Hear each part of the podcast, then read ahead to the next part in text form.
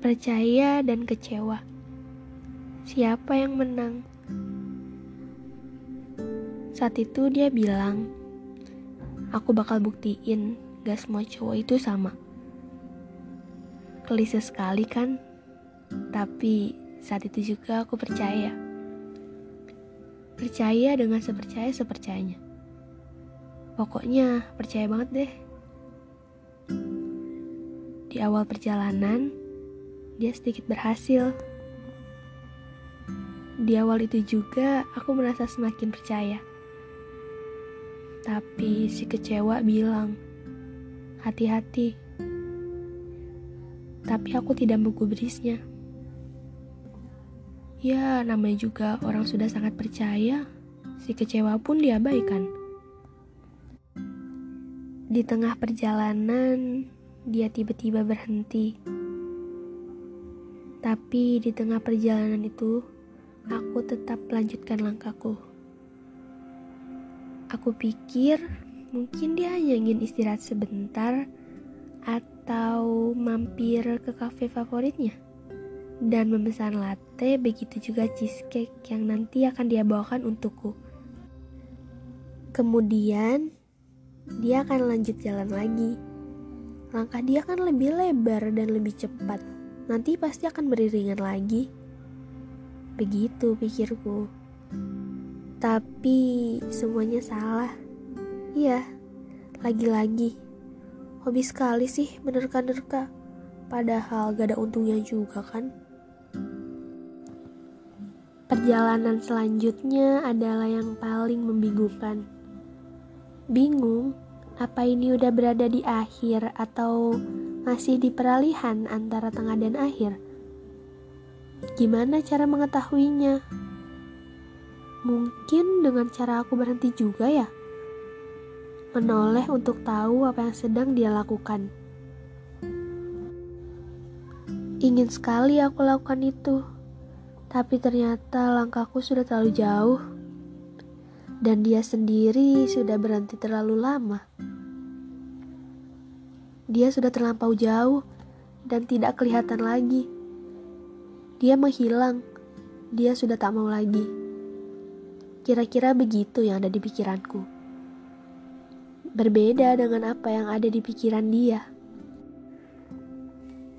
Kenapa aku tidak menemaninya sebentar di kafe itu untuk beristirahat?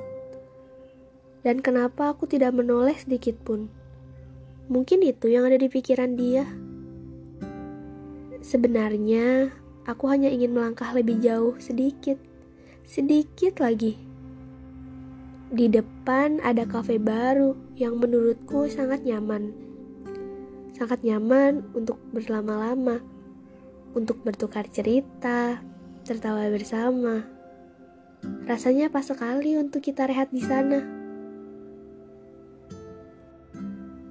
Tapi sayang, dia sudah terlanjur berhenti duluan.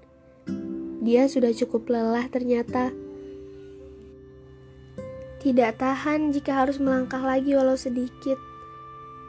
Sudah ingin istirahat sepertinya. Aku tidak boleh menyalahkan. Dan sekarang aku telah sampai di kafe baru itu. Sendiri.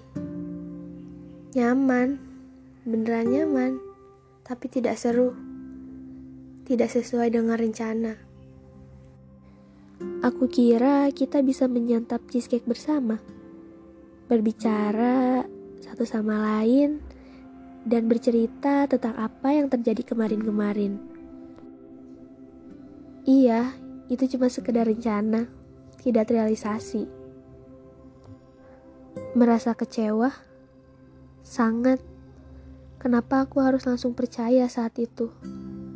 Lihat, kecewa sedang menertawakanku sekarang.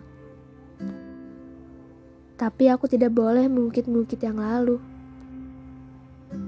Tidak ada yang salah di sini, tapi tidak ada yang benar juga. Dan sekarang dia benar-benar hilang. Tapi entah apa dia berpikir aku menghilang juga. Ah, rumit sekali sih. Jadi ini ya yang dinamakan hampir sepenuhnya percaya. Si percaya hanya hampir sepenuhnya. Yang benar-benar jadi sepenuhnya itu justru si kecewa. Aku masih mempercayaimu, tapi kekecewaan jauh lebih menguasaiku sekarang. Kekecewaan mengambil alih apa yang aku pikirkan. Ah, sudahlah, tidak perlu dipusingkan. Jujur, pergi itu wajar sangat wajar. Tapi aku lebih menghargai kepergian yang disertai pamit.